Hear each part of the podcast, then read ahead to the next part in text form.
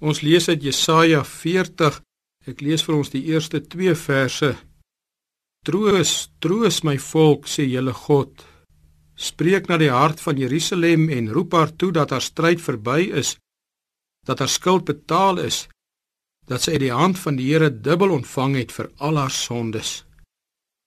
Net weer hierdie woorde in vers 1.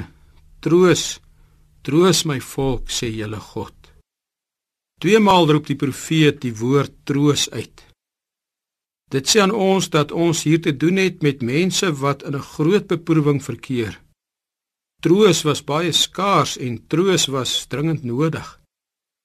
Dit was die tyd van die Babiloniese ballingskap en die grootste gedeelte van die volk was in die vreemde.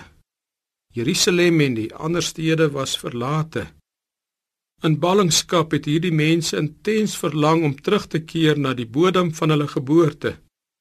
En toe met eens kom die profeet met die aankondiging dat God hulle ellende gaan omskep in vreugde.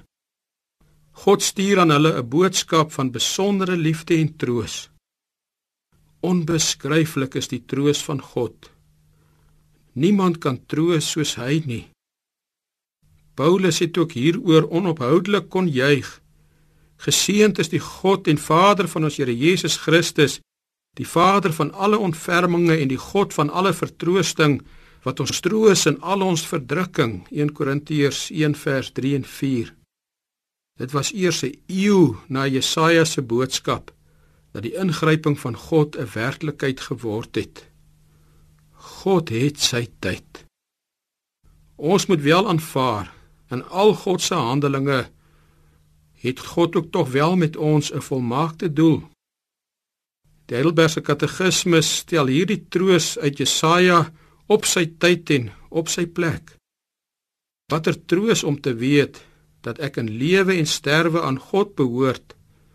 Niks kan my van God se troos en God se liefde skei nie. Kom ons saam bid. Onse Vader, ons besef opnuut hoe groot en wonderlik is u troos. Hoe groot is u genade dat ons daarin mag lewe. Ons dank u dat ons elke dag uit die troos van alle vertroosting mag lewe en dit mag ontvang. Amen.